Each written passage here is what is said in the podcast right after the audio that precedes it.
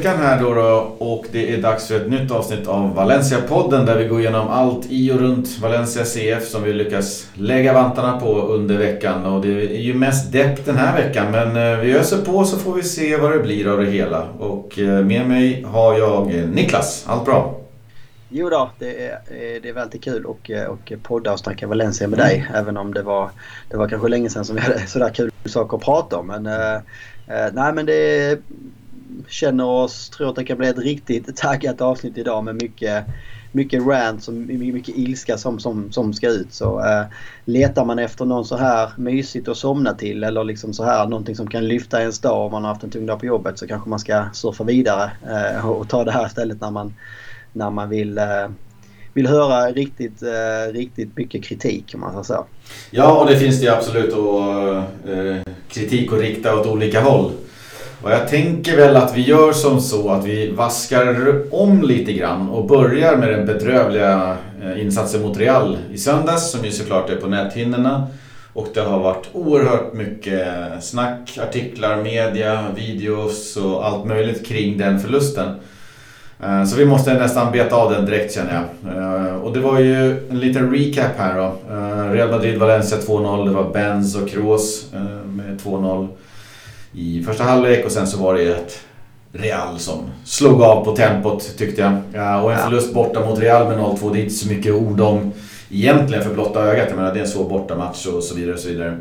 Men satan i gatan vad pinsamt det var när man såg matchen med spelarnas uppförande och ännu värre blev det ju om man började syna individuella insatser både på och utanför planen, vid målen, eh, ett bortdömt mål. Och jag skulle ju säga att alla spelare som beträdde den här planen var usla på lite olika sätt. Men, men, som vi vet så finns det lite grader i helvetet och vi kan väl börja med Correa och Guedes eh, och sen gå vidare på eh, lite fler spelare där. Men vad, vad fan är det som pågår?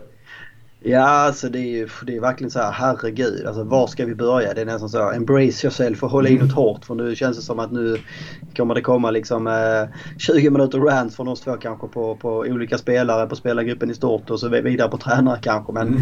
det är alltså, vi kan väl börja vi kan väl börja på, på Guedes kanske med då Peter Lims alldeles egna lilla hovnar. Mm. För det är ju liksom, eh, det verkar ju vara om man ser på Guedes resa i Valencia att den är lite, lite, lite grann en kopia av Lims.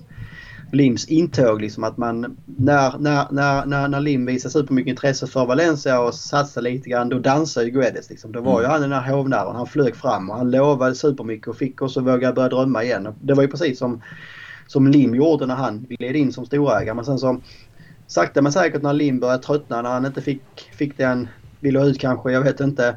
Då börjar även Guedes Han blixtrar till då och då för att blidka sin ägare kanske. Men det var ju liksom bara, bara, bara några promille av den Guedes som vi såg i början.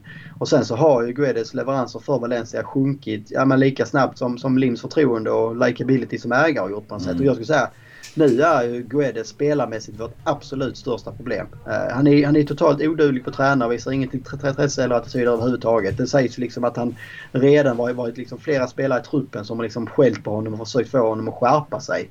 Han har varit petad av Gracia, han har varit nya chanser gång, gång på gång. Men han spelar och fortsätter spela totalt utan attityd, ingen mm. stolthet. Och det, alltså, på ett sätt är det ju en stor, en stor skam och nästan en sån här rejäl spottlosk i ansiktet på allt liksom vad Valencia CF står för. Att Guedes tillåts bära vår tröja vecka efter vecka. Och insatsen här mot Real det är ju liksom Ja, men det, det, det, det är något av det sämsta liksom, inställnings och attitydmässigt som man någonsin sett i Valencia-tröjan. Och det, det, det säger ju ändå en del. Ja, en 40 miljoners värvning som Guedes ska ju inte bytas ut i paus när den naturliga ersättaren är skadad. Eh, så det var helt rätt att han byttes ut. Men, men så jäkla illa var det liksom. Och man får inte bete sig så. Jag tycker också, du har ju sett tidigare att han är liksom lite dålig defensiv. Det är inte hans grej. Och han liksom blixtrar till lite framåt och sådär. Men det är just hela inställningen i match som, som stör mig något enormt. Och så kollar man på de här gummibanden då. Det kom ju en en liten videosnutt som, eh, som visade på när man uh, står med, med, båda händerna i ett gummiband och drar den liksom sidledes för att träna lite bål. Och han, han står ju bara och, och liksom uh, ögontjänar där. Ja. Han, han, han, tänker att han liksom försvinner in i massan. De andra ser ut att göra övningen ordentligt. Och egentligen så skiter jag i en, en sån liten grej. Men, men fuskar du där så är inte det det enda stället du fuskar på. Nej, jag får en nej. känsla av att Gedes fuskar på så jäkla många ställen på träningarna. Och det, det är en, alltså, det är en, en örfil liksom som behövs. Ja. En rejäl hurring. Fan, nu skärper du till det. Inte bara att du måste börja jobba hem och sådär. Utan Nej, nej. Nej, ekonomiskt exakt. och sportsligt är det en katastrof just nu. Ja, nej men det är alltså precis som du säger. Alltså, att du har dåliga dagar, det är då, då, dålig form. Alla Mm. pa- pa- passningar sitter inte. Du, du har inte de här drivlingarna och skotten och allt vad det är. Fine, men den här, den här inställningen som Guedes liksom då, det här låg- lågvattenmärket mot, mot, mot Real. Det var ju inte heller så att det var första gången att han hade en Mm. dålig dag. Utan det här har varit på gång lä- länge. Och det, han var ju inte den enda mot Real. Men det är liksom i, i, i den i en sån här så pass usel match att det är han som sticker ut som sämst inställning som liksom är den dyraste och säkert en av spelarna med högst lön eh, och allt vad det innebär.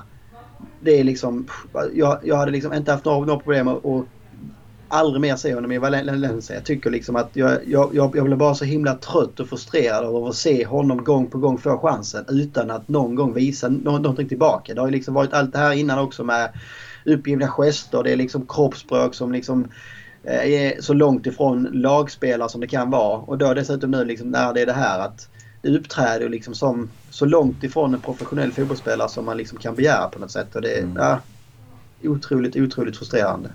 Ja, och det har ju från hela hans karriär egentligen, förutom första halvåret, så har det kantats av lite missnöje kring, kring hans person och kämpaglöd. Och, och nu under Gracias som vi sa, han har ju varit petad regelrätt av, av liksom disciplinära skäl. Och det får man ju anta är den här typen av slapp inställning till olika saker. Och, alltså, det håller inte, det funkar inte. Inte för Guedes själv och inte för Valencia och inte för någon.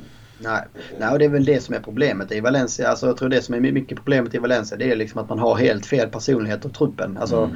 Du är inne på Guedes och du är inne på, på Correa. Det är li, li, lite grann...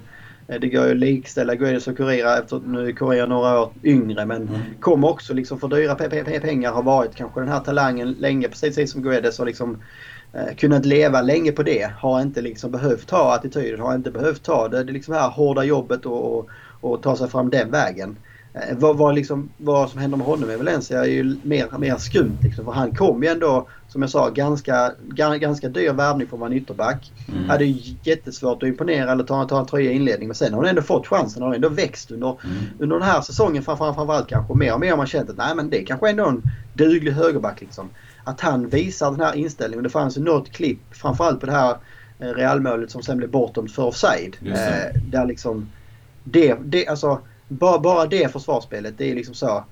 Han borde heller aldrig någonsin få, få liksom ta på sig en Valencia-tröja. Eller, och det är också det här som irriterar mig ännu mer. Det är en, inte en enda spelare som liksom efteråt går ut och ber om ursäkt eller liksom på något, något sätt uttalar sig om att eh, nej men det här, det här får de, de ta på, på sig på något sätt. Och det, det enda som skulle kunna rädda liksom lite grann eh, heder för spelartruppen i stort är väl liksom om, om, om vi får se en jäkla urladdning här till helgen att man vill visa någon slags revansch inställningsmässigt. Alltså spelmässigt skit, jag skiter nästan i hur det ser ut spelmässigt men visa lite jävla hjärta och någon Mm. slags liksom att det finns någon, någon, någon moral i era kroppar på något vis.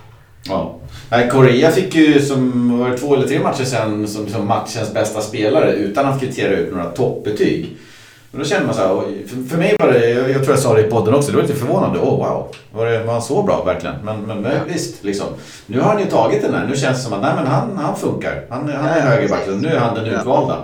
Men alltså, så, alltså som han går tillbaks på det där bortdömda målet. Han Ja, det- det- småjoggar och bara nej jag, jag orkar inte med det här. Och, och så gör Guedes samma på andra kant. Alltså, oh. Nej men det, det, det är det man också är rädd för liksom att eh, spelare ser att det, det liksom är helt okej för Guedes att fuska på träningar, fuska i matcher, ha dålig attityd och då- då- dålig inställning. De får spela ändå. Alltså det, det, det, det är klart så det ska man också med sig. Alltså en lagdynamik och psykologin är i ett lag och i en trupp är oerhört viktigt. Alltså det är precis samma som, i, ja, men som på vilket jobb som helst. Alltså har du ett team och de andra ser att ja, men det är helt okej att den här den här personen bryter mot våra regler som vi har satt upp. Det är helt, helt okej att han inte har någon inställning. Att han bara går liksom och cashar ut på något sätt. Och det är väl självklart att det är liksom... Eller självklart ska jag inte säga, men det, är alltså, det finns ju stor risk att det, det liksom smittar av sig. För Mm. varför ska jag lägga ner eh, 200% om inte han gör det? Och så blir det liksom så, var, varför ska jag göra det om inte de två gör det? Alltså det var ju verkligen en sån kollektiv inställningskollaps som det kändes som, som det var i helgen. Alltså, Mm. Till och med liksom de här som vi brukar lyfta fram och som normalt sett liksom Eh, visar betydligt bättre inställning som Gabriel och Gaia och Soler. Nu kanske de ändå ligger i liksom den andra sidan av skalan. Men jag tycker också det finns mycket, mycket, mycket att hänga på dem. För det känns liksom också som de så här. Ja, vad fan ska vi liksom springa match efter match och dra det stora lasset? Eh, och det är så, å ena sidan. Ja, viss del förståeligt men också Jo, det, det, det, det, det ska ni göra för att det är precis det som ni får betalt för. Det, det, det är precis det här som är ert jobb det är liksom, ja, vi kommer väl in på det, det är liksom så spelartruppen i stort och glöden där men Eh, men det är liksom inte ett önskemål. Alltså att du kämpar och gör ditt yttersta för en klubb. Det är ju, det är ju en, ett krav, ett grundkrav när du får 20-30 miljoner i månaden från klubben och, och sätter dig i din svarta Ferrari som, som Guedes gör och åker hem. Det är ju minimumkravet att du kämpar och visar hjärta. Exakt. Ja, framförallt så ska man ju inte kunna skylla på varför kämpar inte du? Nej, för ingen annan gör det. Nej, men det är väl inte anledningen nog. Alltså, så kan man väl inte tänka. Liksom så. Ska man tänka så generellt i livet på något sätt? Alltså man, man, man får väl alltid gå till sig själv närmast. Alltså, mm. Vad är det minsta jag, jag kan göra? Jo men det är att ha en 100% inställning varenda match. Det är liksom mm. en gång i veckan som Valencia-spelarna spelar match. Mm. Se då till att vara påkopplad då och visa att du vill vara där. Eh, om, inte, om, inte, om inte så bara för din egen skull kunna se dig själv i spegeln efteråt så gör du det för alla andra runt omkring som brinner för den här jävla klubben. Mm. Nej, så, så är det. Det är hårresande. Vi, vi, vi lämnar det där och går vidare på, på nästa raka puck som vi har skrivit ner här. Och det är Javi Gracier och hans insats kan ju också starkt ifrågasättas. Eh, dels så var han ju avstängd så han satt ju uppe på läktaren då. då eh, men de kommunicerar ju hela tiden och han har ju under hela veckan då eh, fått förbereda laget och, och det som man har sett lite grann här nu på slutet och, och vissa delar av säsongen, det är att han lyckas inte motivera laget till att kämpa. Det är ju en sån här grej som, som, som man blir förbannad på. Så det är dels så, så, så var ju inställningen på planen kass i den här matchen. Men sen om det nu fanns någon taktik så funkar det inte alls. Nej. Nej men det är ju liksom så här. Man hade ju en förhoppning inför den här matchen att det här är en perfekt match för att eh, Valencia att tagga till lite extra snarare. Alltså, mm. vi, har, vi har ju sett de tendenserna innan att när, när, när det är något av storlagen så ser vi ändå ett annat Valencia än, än vi har sett liksom så här göra bort sig i, i Copa del Rey eller mm. ha, ha problem och, och, och, och slå Elche och så här. Eh, men så fort det liksom har stått ett bra motstånd på andra sidan så har vi ofta sett inställningsmässigt bra bra insatser. Eh, och det har väl också varit samma på, på liksom Gracia. Man tänker att han borde enklare då att göra sitt jobb bra. Men det är han, han, alltså, han har ingen attityd, han har ingen inställning. Nej. Och vad är det liksom så här, Ja, var, var, varför har han inte det? Och var, varför ska man liksom lägga, lägga stora delar av den här förlusten på honom? Jo, för att han är en tränare helt utan motivation. Han går bara och väntar på att säsongen ska ta slut så att någon annan kan ta över så att han kan få gå, gå, gå, gå, gå, gå någon annanstans. Så det är liksom, så han, fine, liksom så här, han är besviken på vad som hände i sommar, att han inte fått sina värvningar hit och dit.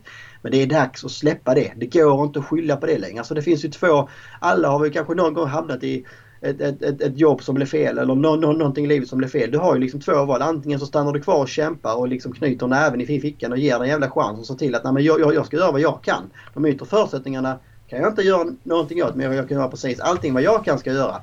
Eller så får du ju liksom gå därifrån. Du kan ju mm. inte stanna kvar och liksom säga ja nu, nu, nu ja det, det, det finns inget att göra. Jag, jag får liksom bara vänta ut mina dagar på, på något sätt. För det är ju, ja, det, det liksom säger någonting om honom som person också. Det, det, det gör mig ännu mer besviken för att jag hade förväntningar på honom som person. Alltså man tyckte liksom ändå att det fanns goda tankar när man hörde honom prata och liksom hans CV och allt vad det var. Mm. Eh, men där är liksom ingen fighting spirit. Där är liksom ingen motivation överhuvudtaget. Uh, och han, det känns liksom som att han inte bryr sig. Och, och jag tror att problemet bakom det är ju att tränaren har liksom inte den här auktoriteten. Tränaren har liksom inte eh, motivationen eller inställningen. Då, då är det helt omöjligt för honom också att motivera andra eller liksom, som du säger, tagga igång, igång andra. Och det största problemet är att det, det finns heller ingen där bakom. Jag tror liksom att spelartruppen är så totalt ledarlös som det bara kan vara. Vi har ju snackat om det i flera år att det säger någonting om Valencias spelartrupp att, att Parejo har varit den givna kaptenen i truppen för att vi mm. ser ju inte heller han tidigare som liksom någon generell ledare. Men jag menar han hade ju varit en Napoleon i den här truppen på något sätt. Alltså, mm. du, du, du, du, kan ju säga att nej, men, Gaia är ledare, Gabriel är ledare, Soler är ledare. Ja det är de men de är ju inte ledare som jag liksom ser framför mig står i omklädningsrummet och alla liksom tyst sitter och lyssnar på och som får igång alla andra. De är ju ledare på ett annat vis på något sätt. Mm. Men de, jag tror inte de är några ledare som för, liksom, kan vända en negativ trend om man säger så. Nej, verkligen inte. Och det är lite som du säger, det vi kan poängtera här att anledningen till att han är kvar i det här kontraktet som de har. Det kostar Javi Gracia 3 miljoner euro, 30 miljoner svenska, att säga upp sig. Och det kostar Valencia 3 miljoner euro att sparka honom. Och de pengarna är, har ingen av parterna. Och därför blir ju han kvar som tränare. Eh, men kan man, om man ställer den här frågan då. Har Javi Gracia tappat delar eller hela spelartruppen eller är bara glöden hos spelarna generellt så här dålig att det inte är Gracias fel utan generellt att glöden är tappad? Eller har han tappat spelartruppen? Ja, det skulle jag säga. Alltså mm. han, om, man, om man någon gång har haft den, jag vet inte. Det känns Nej. liksom också som både Gracia och spelartruppen har ju också väldigt tidigt liksom äh, Eh, på ett väldigt enkelt och bekvämt sätt kunnat liksom göra så här. Ja, skitsamma den här säsongen kan bli vad det blir. Vi, vi, vi, vi, vi kommer ändå alla kunna falla tillbaka på att eh, det liksom, det, det, den stora orsaken till vad som än händer är ju liksom eh, ledarskapet på hö, hö, högre upp. Liksom ägandeskap och presidentskap och allt vad det är. Eh, så hur många liksom har, har trott på att Gracien och frälsaren han kommer in. Alltså de spelarna som var kvar under Marcelino. Ja, de flesta förhoppningsvis var kanske glada liksom, att det ändå kommer in en seriösare tränare än eh, eh, än Celades. Liksom. För jag tror många kände att ja, det var ett ganska stort hopp att ha liksom en Marcelino med hans professionalitet och hans rutin och allt vad det är. Och sen kommer en Celades som är mer som en, liksom en snäll hundvalp men som liksom inte har någon, någon slags eh, utstrålning överhuvudtaget eller erfarenheten. Så mm. ja, förhoppningsvis kanske det ändå fanns no, no, någonting där. Men precis som du säger, liksom, den här glöden hos tränare och spelare. Och det är det, det, det som gör, gör mig så jäkla förbannad. Och jag, jag, är så himla trött på att höra så här att det, det är synd om spelarna. Det är synd om Gracia. För att det, är, det, är, det är självklart att det är Lim och Morbotti som är usla. Ja det är de, men det har de varit skitlänge. Spelarna som är i Valencia, de, de som har varit där flera år. Ni har haft hur många transferfönster som helst och bråka bort eller liksom säga att ni inte vill, vill vara kvar. Det är inte så att Valencia har tvingat kvar en enda spelare. Det är, det, det, det är precis tvärtom. Vi säljer allt vi kan sälja. Gracia, det är så här, Ja, jag blev lovad saker och det hände inte. Gör din fucking research. Alltså är det mm. någon, alltså är det någon i världen du, du litar på så är det väl för fan inte Anil Murti eller Peter Lim. Kolla vad som hände med Marcelino som kommer innan dig. Prata med Marcelino. Ring, ring ett samtal eller bara liksom läs tidningarna. Mm. Vad är det som gör att du liksom så Ja, de lovar mig det här. Så, så kommer det nog så, så sagt bli. Och sen några månader senare, nej det blir inte så här. Liksom gå ut och böla med media, tycka synd om sig själv och sen här nu bara liksom gå tio månader och tycka att det är så himla tråkigt och det är så himla synd om honom för att inte han har fått vad han blev lovad. Då, då kan minsann inte han göra ett bra, göra ett bra, bra, bra jobb. Vis, alltså, det finns noll heder och respekt i de här kropparna och det är det som gör mig så jäkla förbannad. För det är så himla enkelt och bekvämt och liksom gömma sig på något sätt. Alltså, ska jag också komma och göra det på jobbet imorgon? Nej, jag tyckte min chef var för jävla dålig nu den senaste månaden så nu ska jag bara sitta på skrivbordet upp med fötterna där. Vad, vad, vad, hjälper det? Det hjälper inte mig ett skit. Det hjälper inte mitt företag, min, min, min avdelning ett skit. Och samma sak är det med Gracia och spelarna. Vem hjälper det att de skiter i det? Eller att Gracia skiter i det? Inte mm. en jävel. Alltså... Nej, ingen. Det, det, alltså, Gracia, ja han har blivit sviken och jag mm, Anil Murti och Meriton är jobbiga och allt det där liksom. Men eh, han, han gick in i den här säsongen utan att de hade någon målsättning och, och något krav har det inte funnits vad, vad som har konverserats ut eller liksom berättats. Jag menar, det är väl bara att spela efter de förutsättningar han fått. De blev inte som han hoppades på men de blev annorlunda. Fan, nu knyter vi näven, nu visar vi någonting och, och tar oss vidare och tar oss framåt. Så, som grupp, man måste hitta en energi och en glöd och känna att fan, nu gör vi det här. Fan, vi har motvind i, i ansiktet i 190 men vi, men vi kör. Men det verkar som att alla bara har gett upp och så här, men vi väntar till sommaren. Nej, men, och det, det är exakt det jag känner. Just nu så har varken spelarna eller Garcia, de har inte ett skit att säga om Lim Morty för att de är inte ett dugg bättre Exakt. själva. Alltså, det, det är så här de, alltså Gracia har hans löfte när han kom till Valencia. Var det att han skulle vara så här flat? Var, var, var det att han skulle vara totalt omotiverad? Var, mm. var det att han inte skulle kunna motivera truppen? Nej, det hoppas jag inte. Så vad har han gjort själv då? Ja, han har ju själv svikit in sina löften. Mm. Spelarna som spelar nu, det är väl inte det här som liksom de har blivit värvade för eller det här som de har satt in sig själva på. Så det, mm. de, de, de kan inte säga ett skit om styrelsen som det är nu. Hade, hade de gett liksom blod, svett, tårar varenda match och liksom krigat sina hjärtan ut ingen hade gnällt på dem. Oavsett om vi hade åkt ur i år så hade liksom, man hade inte haft ett skit att säga om tränare och spelarna. Och de hade mm. kunnat gnälla på Murti och Lim i media varje dag och de hade haft all rätt att göra det.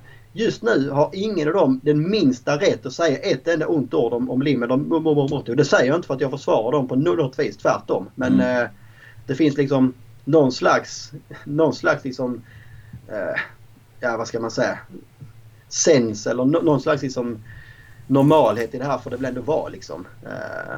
Ja men ska du komma med kritik mot någon annan liksom så kan du inte vara lika dålig själv så att säga. Ska, ska du peka finger på han eh, Eliasson hette han som drog till Grankan. Då kan inte själv ha dragit till Grankan förra veckan. Nej, nej, nej. Utan då får vi sköta det själv och det är det de inte gör. De sköter sig inte själva och tar på sig någon offerkofta för, för situationen de har hamnat i och det är inte vårt fel. Ja, men vad fan, gör någonting. Jag blir galen på det här. Det är dagispersoner liksom över hela, över hela klubben nu liksom. Alltså det är så. Ja, om han tar min spade så, så, så, så ska jag ta hans eh, bil och han leker med den för han gjorde det innan mot, mot mig. Alltså, mm. två, två fel blir inte ett rätt. Alltså det, det är liksom... Eh, det är liksom ingen... Det känns liksom som att vi har hela uppifrån ägare till president och nu ner till tränare och spelare. Det känns liksom som att helt plötsligt har alla blivit helt hjärndöda. Mm. Alltså, tänk lite grann. Alltså, det är väl inte så jäkla svårt att liksom se till att göra allt vad man själv kan. För det, jag vet inte, påverka det du kan påverka och försök släppa allt det andra. Ja, det är här i sådana här situationer som supportrarna saknas något enormt så att säga när närvaron på arenan inte finns. Eh, det hade ju varit galna protester och väldigt livat både före och efter matcherna och på matcherna liksom. Det hade ju varit en annat, en annat liksom eh, påverkan så att säga om fansen varit där. Nu, ja. ibland så tänker jag så här, fattar någon att vi håller på att åka ur i sekundan? Gör vi det inte i år så gör vi det nästa år. Är det någon som har en plan för det? Är, är det någon som tänker agera? Eller bara ska vi se det ruttna iväg? Ja, nej, det är det, det som liksom känns mest oroligt. Om vi nu... Det finns väl ändå... Alltså, det var ju precis som inledde med. Real borta. Nej men det kanske inte är där vi hade budgeterat några, några poäng ändå. Och det hade kanske varit helt okej att förlora. Eller helt okej men det hade liksom varit så. Nej, okej vi, vi förlorar mot Real. De, är liksom, de gör en bra match. Vi gör mm. vad vi kan. Men vi, vi, alltså vi har ju förlorat det här när domaren blåser igång. Det är ju mm. det, det, är det vi stör oss på. Det är därför vi kan liksom lägga en kvart på och ranta på det här. Mm. Normalt sett kan kanske man inte göra det, liksom en förlust mot Real borta. Uh, och det, men det, det, det jag ska säga det är liksom så. Finns för, för, fortfarande en god chans att vi hankar oss kvar. För där mm. är rätt många lag som börjar se rätt så risiga ut och som har liksom sämre trupper. Och Valencia ska ändå kunna knyta ihop säcken och fixa det här. Men det är precis som säger vad hjälper det? Är det liksom bara att förlänga lidandet? För det enda liksom vi hör och ser det är liksom att Nej, så som Valencia som klubb agerar nu så kommer vi liksom få vänja oss att det är ett par, några år till. Alltså, det är mer försäljningar än det, det, det, det, det, det är spelarköp och spelare kommer liksom inte vara några dyra värvningar eller dyra kontrakt och tränare kommer liksom långt ifrån stå i kö för att träna Valencia. Så mm. nästa säsong så känns det liksom jätte, jätterimligt att vi kommer ha en betydligt sämre trupp än vad, vad, vi, vad vi har, har i år. Och vi mm. kommer ha då en sämre tränare, mm. ännu sämre kanske den Gracia. Det, det kanske bara hoppas att vi kan få in en tränare som inte behöver vara så jävla meriterad kanske men, men som är bra på att hantera den här typen av saker. Men spelarmässigt så kommer vi ju inte bli bättre. Nej. Så liksom så. Ja, det känns som det liksom bara ett långsamt farväl till. Vi ska åka ner sekundan. Eh, så, så som liksom alla, alla signaler pekar nu. För vad, det, det, det enda, det enda liksom så som skulle kunna vara en, är ju försäljning. Och det mm. verkar liksom så. Det dyker upp rykten hit och dit om det och det finns ena dagen finns det någon seriös säljare och det har vi sagt nu i tio månader tror jag att det liksom finns någon seriös säljare. Finns seriös säljare. Ja, köpare. Ja, köpare. Mm. Men, det, men, men, det finns ju ingen seriös säljare. Så att det liksom spelar inte någon roll hur många köpare det är egentligen. Nej, exakt. Den klubben är inte till salu tyvärr. Och, och liksom, jag tror anledningen till att vi kanske klarar oss kvar i år, eh, förhoppningsvis, är ju att eh, jag sa att det var sju lag bakom i tabellen just nu. Två av dem kryssar, resten förlorar. Och det är så det ser ut i botten. De tar ju liksom inga poäng. Eh, så att, så att är du med i toppen då måste du vinna varje match för att liksom hänga på och sen få lite överhand. Här kan du ju kryssa och vinna var tredje match för att liksom hålla tempot med bottenlaget. Så det är väl vår enda räddning. Ja. Så vi får se. Vi kan väl kolla på lite vägar framåt här. Vi ska väl gå vidare från Real-matchen då, men... Eh, för poängen måste in oavsett då. Ska Gracia liksom peta spelare typ Correa och, och Gedes? Och, och, personligen så blir jag nästan förbannad om man inte gör det. det, det jag, jag, kan inte se hur man kan ta ut dem i laget igen. Eh, men kan man utnyttja kanske de inlånade spelarnas oförstörda förhoppningsvis entusiasm här och spela dem för att chocka några av de etablerade som kanske känner sig trygga. Jag känner bara att Gracia han, är, han känns likgiltig för det vi såg i söndags. Och, och, och vill inte, agerar vi inte här nu inför nästa match mot Celta så, så då kan vi, känns det som att vi bara kan ge upp. Ja. Nej, det var någon som lanserade Gaia Lato vänster, Vas ja. Soler höger och in med Ratchis Oliva centralt. Liksom. Vad har du för tankar kring vad som behöver hända nu för att ruska Nej, jag, också, jag har också tänkt i de här banorna precis som säger. Alltså, det har varit så jäkla skönt att liksom kunna peta de här legoknektarna mm. som Guedes och Gräs som liksom uppenbarligen de, de, de skiter i Valencia. Mm. Eh, de verkar liksom inte heller förstå liksom att deras bilden de visar upp i Valencia kommer också liksom påverka deras egna karriär framåt. Hade de bara liksom de kunde göra bra insatser för Valencia för, för, för sin egen skull om man säger så. Men det verkar de inte förstå. Så, så låt dem inte spela. Eh, mm. skitsamma liksom, då får de vara på bänken. Jag har tänkt så. Fan kan vi inte bara, bara ta in liksom då Eh, ta in, ta in med, med, med, med, spelare som då förhoppningsvis så brinner verkligen för att få bära, bära, bära, bära tröjan och sådär. Som, som man kan se ibland i en del, en del, del, del andra klubbar att det kan få mm. en jäkla effekt på något sätt. Tyvärr så har vi då kopparmatcherna visat att det är för alldeles för stor skillnad. Ja. Vi hade ju någon kopparmatch där vi, där vi startade med 3, 4, 5 eh, 3, 4, 5 med, med, med, med spelare. Flera av dem är liksom egna produkter och liksom tror inte det är något fel på inställningen där, långt ifrån. Men du behöver ändå ha en viss nivå av kvalitet och det har de inte. Alltså, det, alltså, tyvärr är ju den vägen då, den är nog stängd för att vi har liksom ett alldeles för dåligt med och Jag tror vi kommer in på det, det, det mm. sen också. Att de är, de är på väg ännu längre ner i pyramiden. Mm. Uh, så att det är liksom...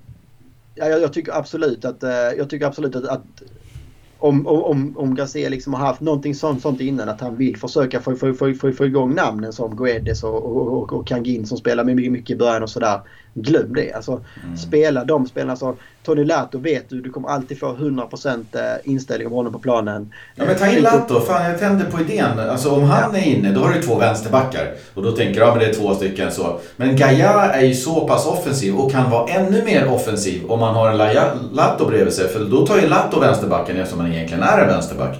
Ja. Eh, till exempel. Eller om du har Lato som vänsterback och kör Gaia som vänstermittfältare hur du nu väljer. Alltså den tanken kittlar. För där har du också ett Valencia-hjärta som sitter på bänken. Som lider som fan och kommer att komma in och ge järnet. Det är jag helt säker på. Ja, det finns dagar så här. Ett, vad är det du, du, du förlorar på det? Mm. Så som Guedes spelar då, inte ett skit. För det, du, du, du, kan säga så.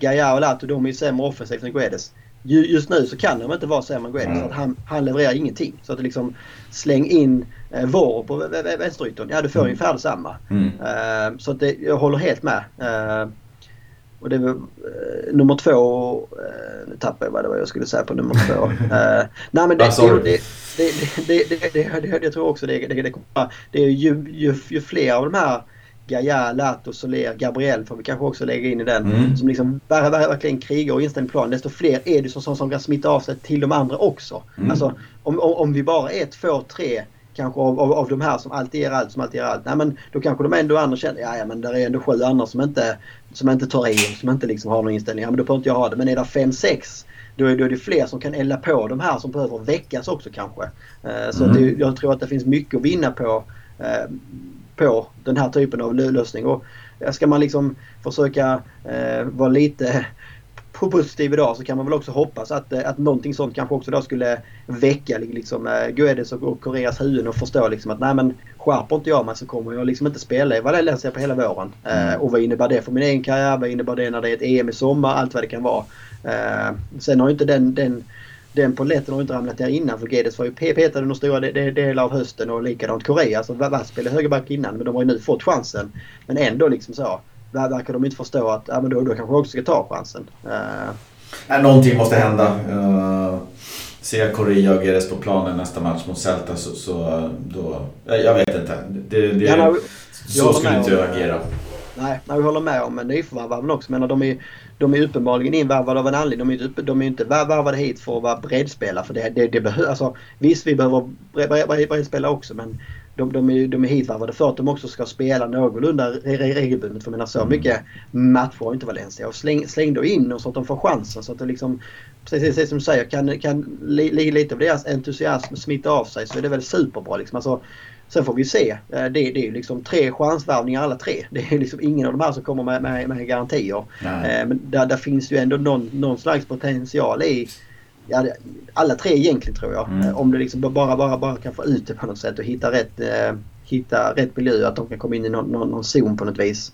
Eh, jag tror det, alltså det, det största problemet är ju att vi är vi är ju grymt, grymt sårbara och svaga centralt. Liksom. Alltså, mm. det, även när vi kör med Rakic och Soler, man ser mot ett Real. Liksom, det var ju, det var ju, det var ju lite grann självmord att inte spela med, med tre mannainfält för att liksom få, få, få stopp på, på Reals innermittfält. För dem, alltså det, det, var ju, det var ju liksom som vuxna vän mot, mot småpojkar. Alltså Real, de tog inte ut sig ens. Det var alltså, Nej, de vuxna männen heter ju Toni Kroos, Casemiro och Luka Modric. Och, och de tre centralt liksom mot våra två eh, vart ju övermäktigt. Ja, på alla ja. sätt. Och jag känner bara att... Nu har ju jag, jag, jag och du kanske, men jag har i alla fall slängt hela laget under bussen för den här matchen. Och det smärtar ju lite att slänga Paulista Gabriel under bussen. Jag tycker han visar hjärta men han är också dålig. Men också en sån lite grann som Rakic kan jag tycka att han... Han springer runt och gör ju sitt men han är också för dålig. Jag känner att Fan, släng in en Oliva där kanske och så ut med Soler på, på högerkanten som, som ett förslag ja. har varit. Så då kanske du får en lite, alltså, lite ja, mer ja. solitt mittfält i alla fall. För det var fan svängdörrar överallt mot Real. Ja, nej, jag håller med. Nej, men det är det enda man, man, man kan säga. För det, det är klart att alla var inte lika usa som Guedes och Correa. Jag tyckte all, det var ingen som för liksom i närheten av godkänt hos mig. Det mm. man saknar liksom från Gaia och, och Gabriel och sådär. Det är att någon jävel ute på planen reagerar mm. under de här 90 minuterna. När det är någon som inte jobbar hem, när det, liksom det här målet kommer som sen blir bortom. Att någon reagerar inom laget. Och vad fan håller vi på med? Nu måste vi skärpa oss. Vad fan är det som händer? Ingenting händer efter pausvilan. Det är lika jävla lojt i andra halvlek. Så det är liksom så. Det enda som händer är att Real blir lika loja och slår av på. Ja, ja, ja, och så blir det bara 2-0. Ja, nej, men de har ju en Champions League-vecka och mm. de har liksom ett tajta spelschema. De, de har ju, segern är ju hemma så att säga. Så det, att, att, de, att de svarar på takten det, det, det, ska vi kanske bara vara liksom tacksamma för. För annars så kunde det blivit 5 och 6-0 här. Mm. Om, de, om de hade velat och liksom tryckt tryck på matchen igenom så hade de kunnat göra skada Valencia ännu mer här. Ja.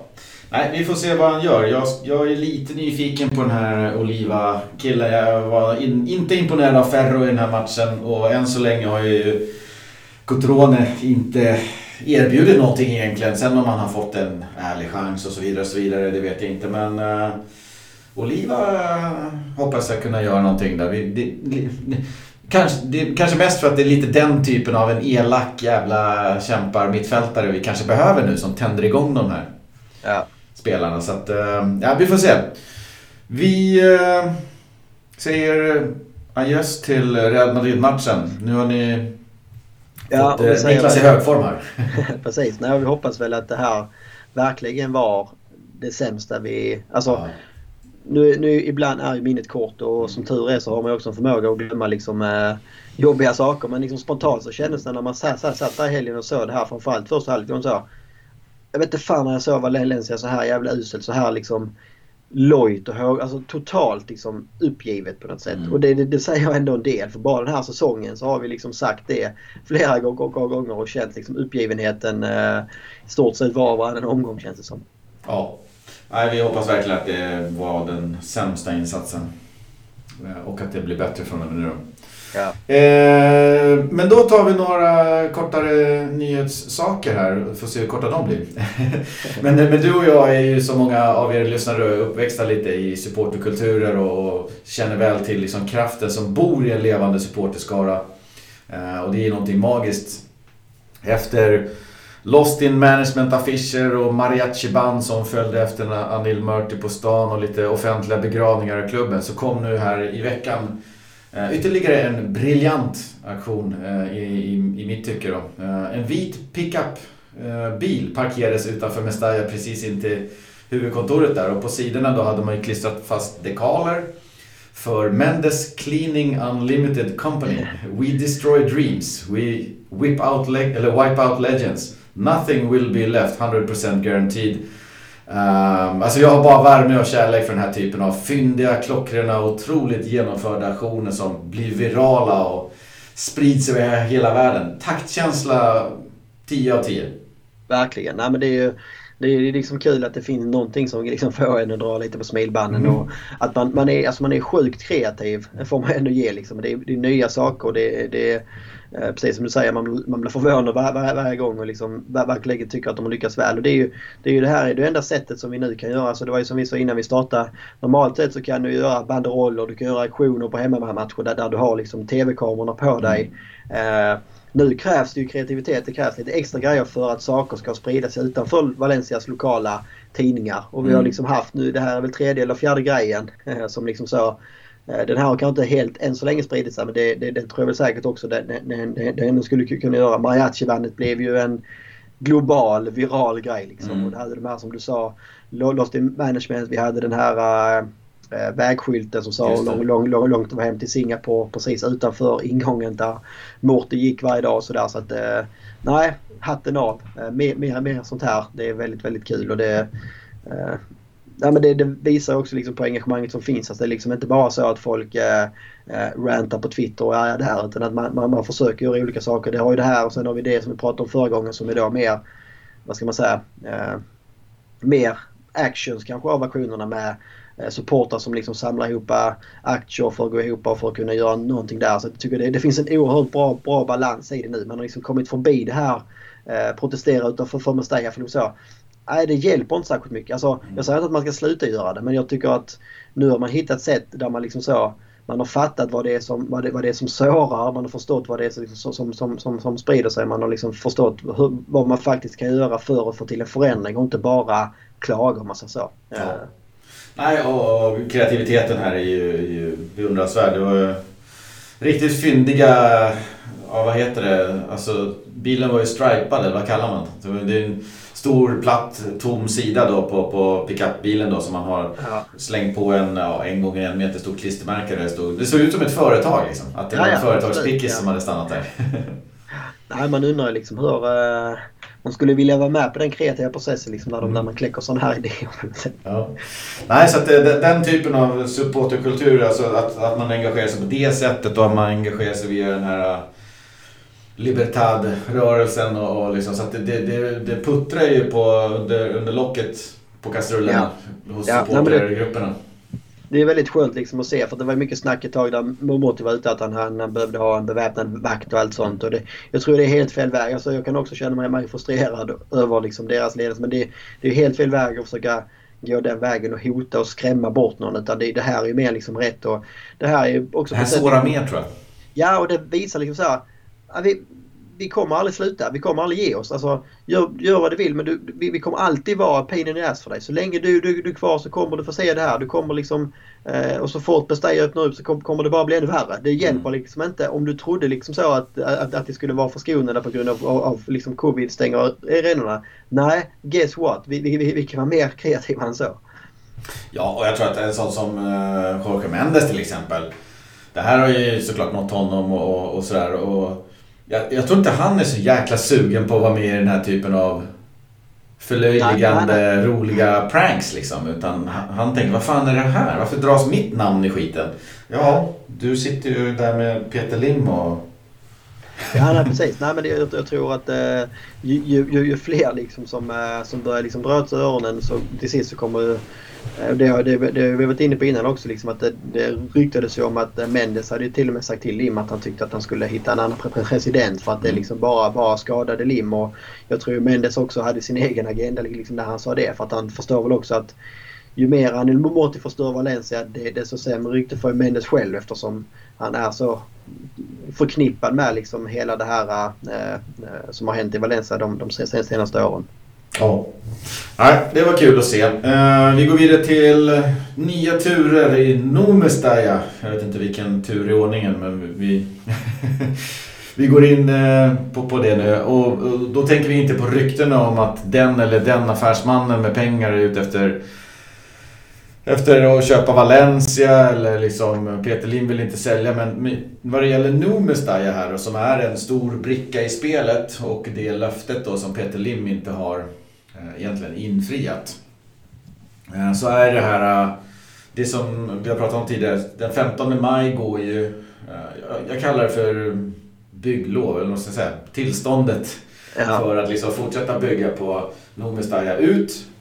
Och här har man ju krävt då i år, flera år i rad har man krävt handlingsplaner och, och det har väl de lyckats lämna in. Eh, men, men nu har man vad det verkar sagt stopp, det räcker. Man ska då börja bygga den 15 maj. Det kommer ju inte hända, men då måste någon typ av skarpare plan in. Eh, mycket skarpare, det ska vara på riktigt den här gången. Annars så cancellerar man det här bygglovet helt. Eh, och, och, nu är det ju så att uh, och, de kommer inte få en förlängning för de har ju alltid fått den här förlängningen då kan man väl säga. Och, och nu sen, så säger då Valencia stad med, med borgmästare och allting. Nej men nu är det vägs ände. Nu är det på riktigt. Och det ska ju vara ett av huvudämnena när Anil Murti nu ska prata med Peter Lim om Valencia.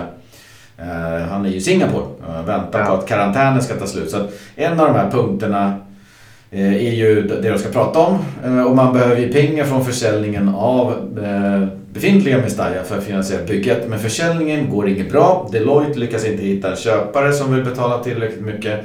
Och tanken är ju nu att klubben då med Peter Lim som borgenär eller man ska säga som garant lånar pengar för att starta bygget. Det kommer inte hinna starta före 15 maj. Men om man då har lånat pengar eller gått till banken och gjort ditten datten och så har man en plan om att man sätter på sig vita plasthjälmar och börjar i september så tror jag att det är good enough.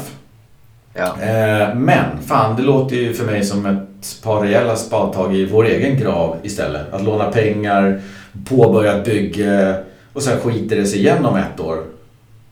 Ja, framförallt hela, hela den här liksom låne, lånekarusellen har vi fått eh, ganska så dålig erfarenhet av mm. efter den här senaste svängen med, med lånen. Som då enligt mycket liksom så här, enligt många många analyser så är det Peter Lims lån till Valencia som gör liksom att vi sitter i den ekonomiska sits vi gör nu. Att vi tvingas sälja spelare i sommar så att vi kommer att tvingas sälja spelare igen. Mm. Eh, och att man liksom mer har försökt skylla på hela covid-situationen på något sätt. Men det är egentligen det här som är, som är anledningen. Mm. Eh, och ska vi då liksom Ska vi då punga ut nya lån? Och vad, vad, vi har också pratat innan om vilken, vilken typ av säkerhet som Peter Lim alltid kräver för sin, sina lån. Det är liksom alltifrån eh, rättigheter för, på, på tv-pengar till liksom eh, ägandedelar i spelare och vilken jävla sned vilken, jävla, vilken snedfördelning det, det, det blir när det finns privata intresse i, i, i vissa spelare men inte i andra.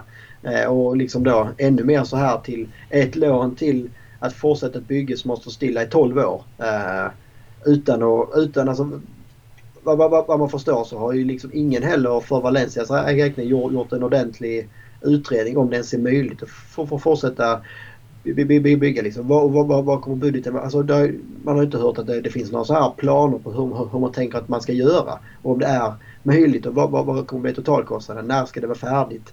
Så det känns ju liksom återigen som... Jag, jag, jag tror att hela Numastay-affären för, för liksom Lim det handlar om att bara bara, bara dra ut på det. Eh, ja. Jag, jag, jag, tror liksom inte att man... Jag, jag tror att de själva har insett att vi kommer aldrig eh, bygga färdigt det. Eh, och vi vill inte lägga pengar på det liksom på något sätt. Vi vill inte lägga pengar på en arena för vi ser liksom att det skulle bli alldeles för dyrt.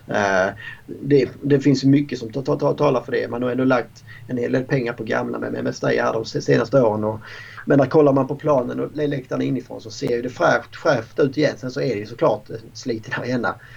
Men jag tror bara det handlar liksom så. Så länge inte Numestaya är helt begravet eh, så har man liksom, då finns det fortfarande en öppning för, det var ett av de stora löftena är också anledningen till, till, till att Lim liksom godkände som ny ägare. Det var ju att han lovade att han skulle göra klart Numestaya. Mm. Eh, och så länge liksom han inte har svikit det löftet till 100% så kan ju ingen säga att han har misslyckats. Han har långt ifrån lyckats men mm. det är ju liksom tiden är ju inte ute helt så länge liksom projektet lever i alla fall. Jag, jag, jag, tror bara det är det de håller på med om jag ska vara helt ärlig. Nej, jag fattar inte heller liksom. Jag, jag har ingen aning om vilka summor som ska lånas men det är inte två miljoner euro. Uh, utan det, är, det måste vara en betydlig summa för att det ska kännas som seriöst. För, för jag tänker att de lånar en summa, påbörjar bygget, kommer en bit på vägen och sen måste man då sälja gamla Mestajan och så får man in nya pengar, betala av det här lånet och sen får vi se hur mycket som återstår. Men jag känner bara i det här fallet att, ja men säg att de lånar 30, 40, 50 miljoner euro, äh, åker dit och börjar bygga och så hittar man någon spricka. Eller ja. någonting annat. Så bara, nej, inte, oj, nu drar det här iväg i pengar. Okej, okay, ja, halt. Det... Valencia står kvar med lånet. Vi byggde ja. lite till och knuffade ner 50 miljoner i ett jävla svart hål. Det är alltså, det är konkurs på riktigt då. Nej men det, det är också liksom så här om nu det här är en väg framåt, varför gjorde ni inte det här för fem år sedan? Alltså man har hela ja. tiden sagt att vi kan inte börja bygga för en gamla Mestalla är sålt. Vi kan inte göra no, no, no, någonting innan det är sålt. Det finns inget som, som tyder på att no, någonting är nära att säljas där heller. Som precis säger, Ja, du, kommer, du, du kan låna till att börja bygga men du har ju ändå inte pengar till att fullfölja bygget. Nej. Alltså, det, det, är ju- det är ju precis som att nej, men jag ska by- bygga ett hus själv. Det kommer gå på 5 miljoner. Ja, jag, har, jag har ju fått en miljon från lån från den här banken så jag, jag kan ju börja i alla fall. Det räcker ju till liksom eh, eh, eh, schakta tomten och, och liksom en, en, en betongplatta. Eh, sen, sen så får vi se om det lö, löser sig. Alltså, du får väl ha hela liksom, ekonomiska planen färdig innan du drar igång det på något sätt. Det, det känns liksom som basic. Det behöver inte vara någon ekonom eller liksom någon, någon, någon professor för, för att förstå det. Nej, jag tycker det känns som to- totalt självmord.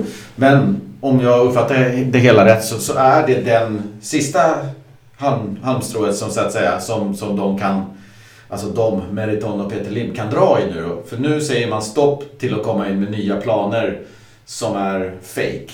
Eh, Ja. Vilket de har gjort flera, flera gånger. Utan nu, nu måste det på fram riktiga handlingar som visar på att man liksom kommer att låna pengar eller att man på något sätt kommer att påbörja bygget. Och, och idén som de spånar på nu eh, den här veckan och nästa vecka är ju att låna pengar och starta bygget. Ja, men det, det, det, det man kan hoppas på det är ju liksom att eh, statsledningen eller vad man nu ska kalla det, att, att, att man inte nöjer sig med det utan att de vill se. Okej, ni, ni, ni, ni, ni, ni säger att ni har ett lån här, det kan vi se. Men det lånet kommer ju inte ta by- by- bygget i hamn. För det, är liksom, det kan ju inte gynna stadsstaden heller. Liksom, att det blir som du säger att ja, man, man gör lite till på bygget och sen kommer det stå stilla i några år. Sen gör man lite till. Alltså, det, det staden vill nu det är ju att ni börjar och gör det färdigt. Det, Mm. finns liksom, det finns inget annat. Antingen så börjar ni och gör det klart eller så försvinner bygg- bygglovet och då, då, då, då får ni liksom riva det här. Eh, Mm. Så att man hoppas ju att de inte nöjer sig med, med, med det här att det finns, finns ett lån för att komma igång utan att de vill se en långsiktig plan som är hållbar som är liksom rimlig och ingen av de här andra fantasiplanerna som man har dragit upp innan så att säga. Nej, och då kommer de ju cancellera hela bygglovet vad jag förstår om det inte blir någonting. Och då är, då är det liksom, för tillfället då i alla fall, kört för Numestaja och hela det projektet. Nej, och man hoppas att de nu för en gångs skull har lite stake li- li- Mm. liksom i staden också på, på, på något sätt och inte Och sätta Alltså- hårt mot hårt.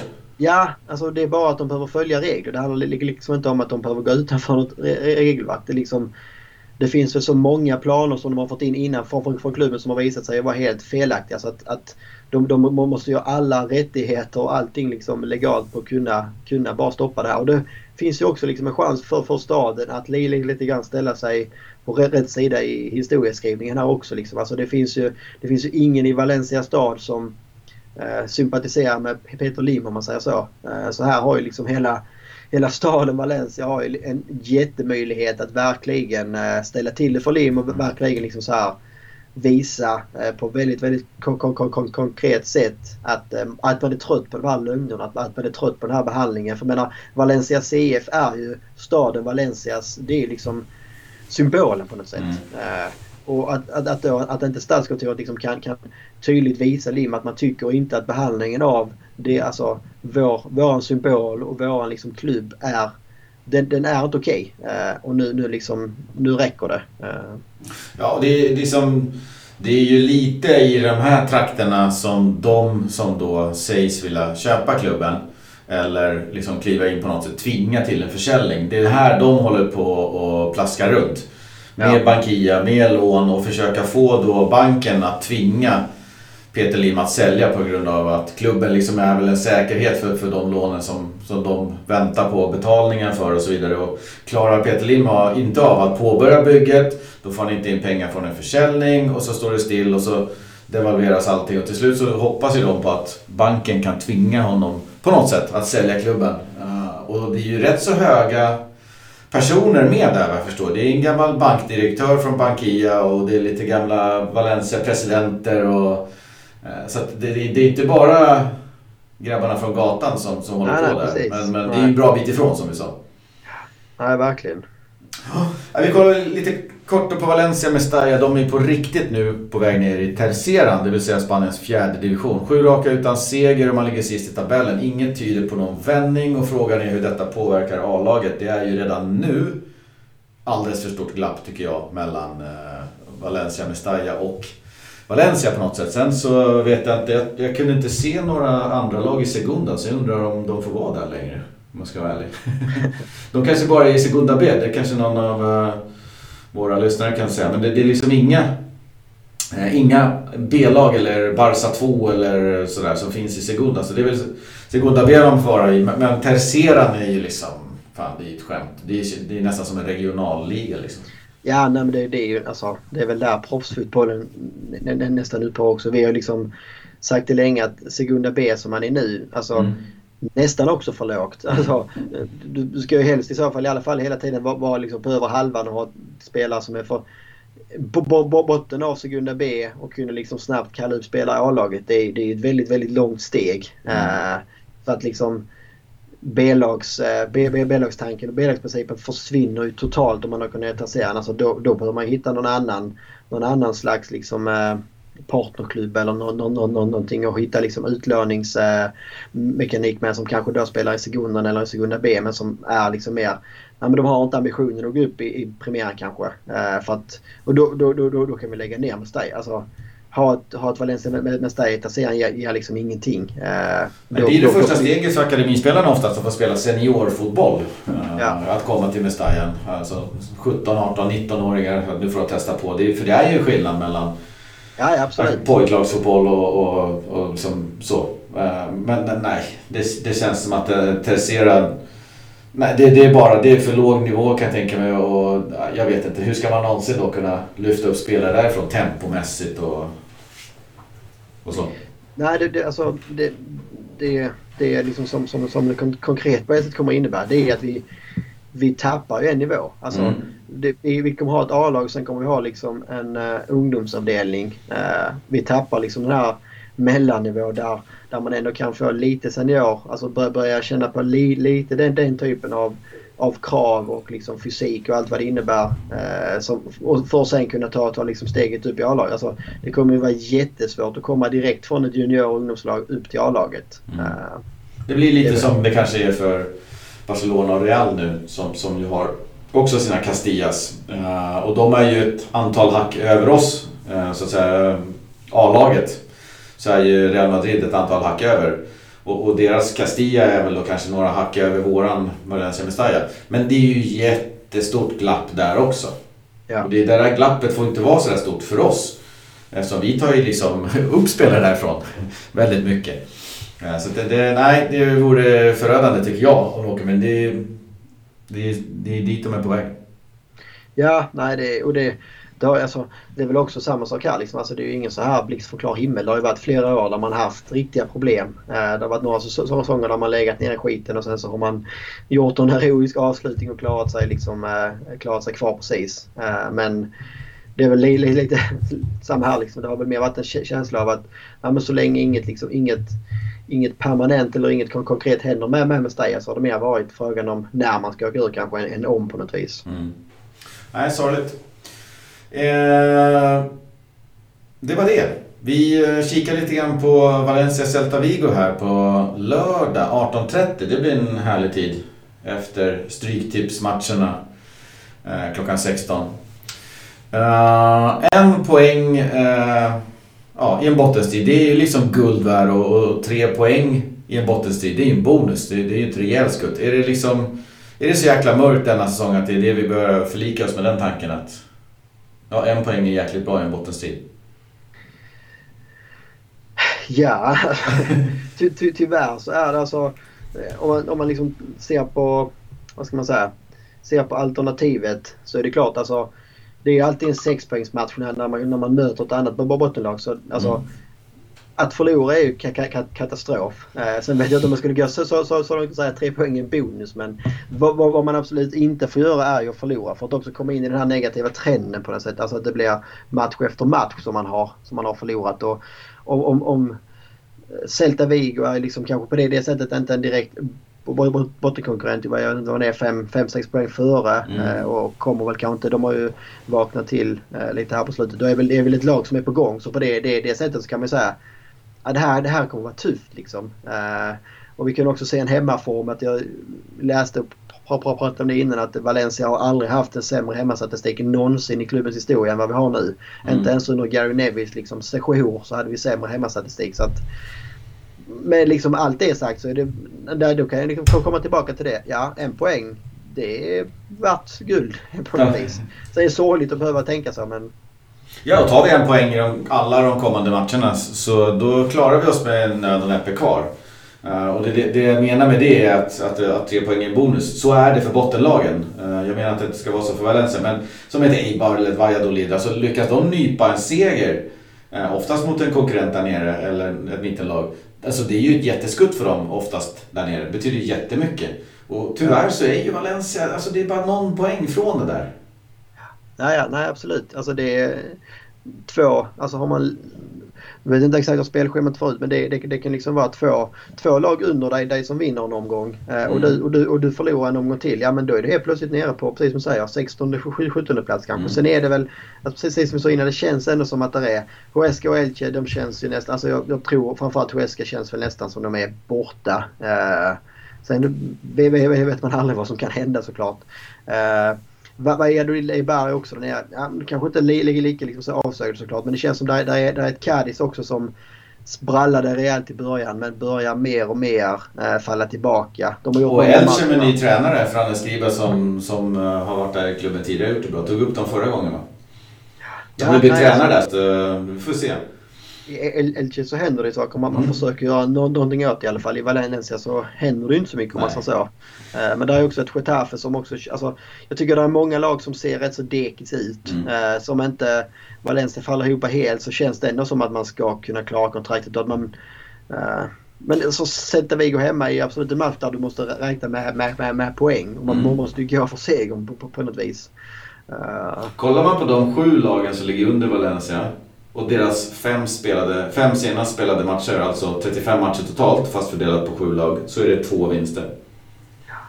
Ja, nej, men det, och det är egentligen mycket det, det som har gjort att uh, Valencia inte är längre ner. Man får, mm. Valencias får man ju liksom inte strålen. Alltså, uh, nu var man väldigt usla senast och sen så hade vi ett kryss mot Bilbao där vi kanske då förväntar oss mer. Sen så hade vi, ja, vi slog ju Elche i en väldigt, väldigt viktig match mm. Men innan dess så var det ju också ja, alltså segrarna kommer väldigt, väldigt sporadiskt. Man hittar ju inget flyt, du hittar ju inget momentum i Valencia. Man hade ju en period där, där, där, där man i alla fall inte förlorade så mycket. Där, där, där man kunde ta, ta någon krigarseger var, var, var, var tredje match och sen så försöka kämpa sig till några, några kryss. Och jag, jag, jag, tror egentligen det är det och det är också det som du är inne på. Jag, jag tror det är det vi ska förvänta oss av Valencia här.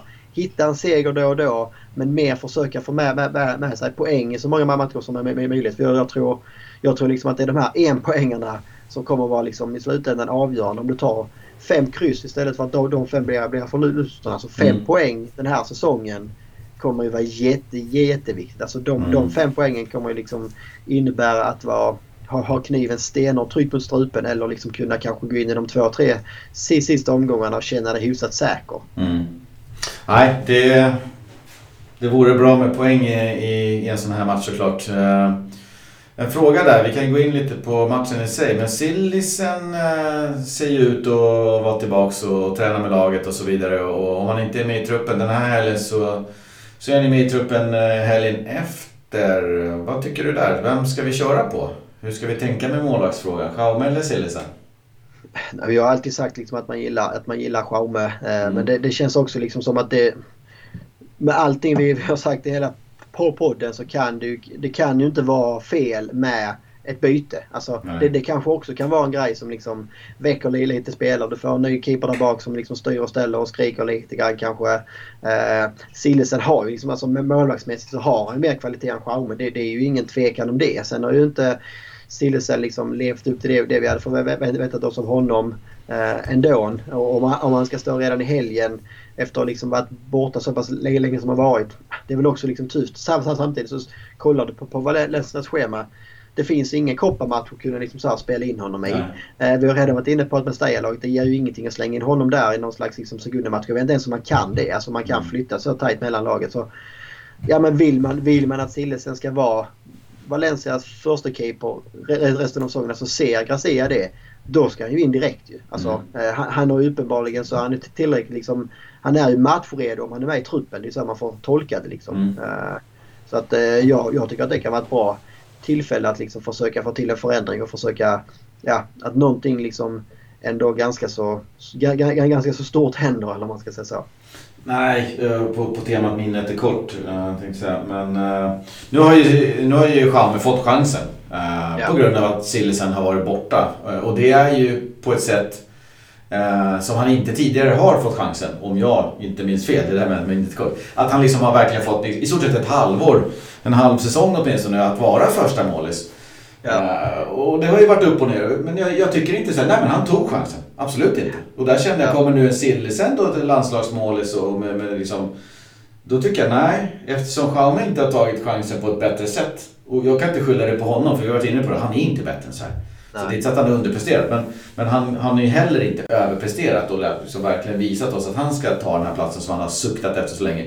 Då tycker jag, in med Sillisen. Tills han gör bort sig. Och, och, så får du gå tillbaka till Jaume om Sillisen visar sig vara sämre. Ja, nej precis. Nej, men det, alltså det, jag är helt, helt enig med dig. Alltså, mm. Jag har väl ing, ing, ing, inget att förlora på liksom, ge Sillisen chansen. Alltså, jag känner att det kan bara... Flyger han och det liksom blir skit, skitbra, ja men då är det väl fine liksom. Mm. Eh, är ju upp och ner så jag tror liksom inte... Sillisen kommer i alla fall aldrig vara Eh, på längre, längre, längre sikt sämre än Schaume. Det, det, det, det vi varit inne på innan. Det är väl mer, mer så. Nej, men är de två likvärdiga så spelar jag hellre Schaume för att mm. man liksom gillar honom man har hjärtat.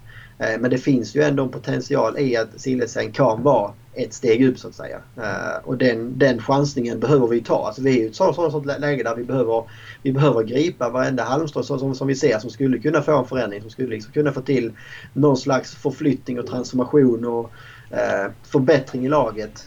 Ja, den chansningen behöver vi göra. Ja, verkligen. Sen är ju Celta inget lätt tag och lag att tampas med. Eh, kryss borta mot Atleti nyligen med två gjorda mål visar att laget är väldigt kapabelt. Vi har en Santemina med form och en Iago Aspas framåt betyder att det alltid finns liksom ett, ett enormt hot där. Eh, hur ser du på matchen och våra chanser om man tänker på om kaptenen lyckas få in någon glöd här och vad, vad tror du? Hur ser det ut? Vad är utgången? Nej men ska man liksom prata från hjärtat och från min mer eh, naiva och romantiska sida så hoppas jag ju verkligen liksom att eh, man har haft ett jäkla snack i, i, i, i veckan i gruppen. Att man liksom har rensat luften och där alla förhoppningsvis då eh, har kunnat liksom konstatera att det vi visade upp mot Real det var inte okej okay och det är vi absolut inte nöjda med. Eh, och att vi nu får se någon slags eh, ja, när, när, när jag säger liksom, uh, urladdning så tror jag inte att vi kommer gå ut och köra över Celta Vigo men att vi kommer se ett jäkligt taggat Valencia i alla fall. För det, det, det kommer krävas. Alltså Celta är uh, vassa framåt. Mm. Uh, det kommer ha en Santimina det, det, det är dessutom som börjar bör, i form och säkerligen liksom kommer vara supersugen på, på att visa upp sig. Inte för att han har något agg mot Valencia, tvärtom. Men det, det är väl alltid så att det tänder till extra när du möter de, de, de liksom gamla lag och de gamla mm. lagkamrater. Alltså han kommer inte springa och hålla igen. Och då en Aspas som ett, ett, ett Celta med Aspas och ett Celta utan Aspas är ju liksom det är ju ett eh, eh, eh, Europalag eller nedflyttningskandidat och nu är Aspas tillbaka och liksom börjar mer och mer komma igång. Så att det här är en, det här är en jättesvår match för, för liksom dagens Valencia skulle jag säga. Ja, nu vill jag inte jämföra Diego Aspas med Leo Messi men men han är ju för Celta Vigo ofta vad, vad Leo Messi är för Barcelona. Fast på en ja, annan nivå då. Men, ja men ännu mer, ännu mer skulle jag nästan mm. alltså jag, jag skulle dra det ännu längre. Liksom, att mm. eh, Aspas alltså det finns så mycket, mycket statistik på det också tycker jag. Som liksom verkligen, sen är det jäkligt märkligt hur det kan bli så. Det är ju, det är ju, ett, liksom inte, det är ju ett dåligt betyg till Celta i sig. Liksom, att en mm. spelare kan ha den effekten. Eh, men uppenbarligen så har han ju. Han har också haft liksom, flera säsonger. Eh, vilket, vilket är vilket är ganska, ganska häftigt. Eh, och han brukar ju tyvärr ofta göra mål mot Valencia också. Så att, eh, ja, det är, liksom ingen, ingen skitbra känsla utan det, det, det man lever på att ta med sig. Eh, det är väl liksom det här att det borde finnas ett jäkla revanschlusta. Ja, jag kollar lite snabbt här på statistiken här. Fem senaste, nej det blir ju sex senaste. 14 mål, 19 mål, 22 mål, 20 mål, 14 mål i fjol och hittills 9. Sen har han ytterligare tidigare tillbaks i Celta Vigo då. En, en säsong med 23, en säsong med 12 och så vidare. Så att, äh, det är ju vansinnigt alltså. 145 här, påsar. Det finns nog någon möjlighet, det kanske vi borde kollat upp innan. Jag läste här att han eventuellt är avstängd. Så jag hoppas att det, att det, att det stämmer. Uh, för det, det är verkligen alltså precis det som vi snackat om de senaste minuterna. Är inte Aspas med så är det ett annat Celta vi kommer liksom ställas mot. Eh, det är fortfarande för dagens Valencia en tuff, en tuff eh, motståndare. Eh, mm, han är avstängd. Det stämmer. Så det, det, det, det är skönt att vi, att vi slipper honom. Då släpper vi Iago Aspas. Och så får vi bara hoppas att eh, precis det som jag sa att Aspas betydelse för Celta är större än Messis för Barca. Att det också är det som då gör att Valencia har en större chans att ta, ta tre poäng än, än, än vi trodde för tre minuter sedan kanske. Ja, precis. Nej, verkligen. Men, men tre poäng här och, och, och då, då, är det morgonluft alltså. Då är det en fyra, fem pinnar eh, ner minst. Eh, det kan också vara lite mer till, till det nedflyttningsstrecket. Och, och, vi har snackat om det förut. Det finns ett Villarreal eh, i, här kommer, det finns ett Levante och det finns ett Granada och det finns ett Getafe. Så att liksom, det, det, är ett överkomligt schema där man bör kunna ta några poäng. Så att det, jag tror att det är nu man behöver göra ett litet ryck till det nedflyttningsstrecket. För att det kommer tuffa matcher sen på slutet. Ja, nej men precis. Nej, men det är ju den här typen av hemmamatcher som man måste ta poäng i. Och liksom mm. helst så ska man kunna ta tre poäng här för att det räcker liksom inte bara i slutändan att bara slå kollegorna där nere. Ja, det kanske det, kanske det gör eftersom att det är en del som är så dåliga. Men vill man liksom skapa sig li, li, li, lite eh, utrymme tidigt. Vi behöver liksom inte vänta in till sista omgången med att säkra kontraktet på, på, på, på en straffspark 89 eller någonting. Det, det hade liksom varit skönt. Och Valencia har ju det, den kvaliteten att man ska ju inte behöva, man ska inte behöva vara involverad i åka ner med den här truppen. Alltså det är ändå så pass mycket kvalitet. Sen, sen så är det som vi sagt ändå. Trots att kvaliteten finns där så finns det ju ändå en superöverhängande risk att man åker ner. Eftersom mm. att inställningen inte finns där. Nej, det är det man vill se. Jag vill inte se någon sån genomklappning. Mentalt hängbjörkar liksom som bara inte, inte klarar... Alltså, vissa lägen så springer man och kämpar och Gabriel ser liksom knyter näven och skriker lite men kollektivt så var det så jävla tafatt mot Real så att det måste hända någonting. Det måste, ja. Kollektivt så måste kämpaglöden upp på något sätt mot Celta. Ja, nej, men det, det, det, är liksom, det är egentligen det enda jag begär inför den matchen på lördag. Det är mm. liksom att, att inställningsmässigt och attitydmässigt så ser vi en jäkla skillnad. Mm. Uh, och ser, ser vi det så får vi liksom också bara hoppas att det, det, är, liksom, att då, att det är tillräckligt för, för att ta 3 poäng. Men skulle vi göra liksom en inställningsmässigt kanonmatch där liksom alla kämpar och det inte blir 3 poäng. Det kommer liksom såklart inte sitta och applådera efteråt men jag tror ändå det är viktigast på längre sikt på något vis att vi hittar tillbaka.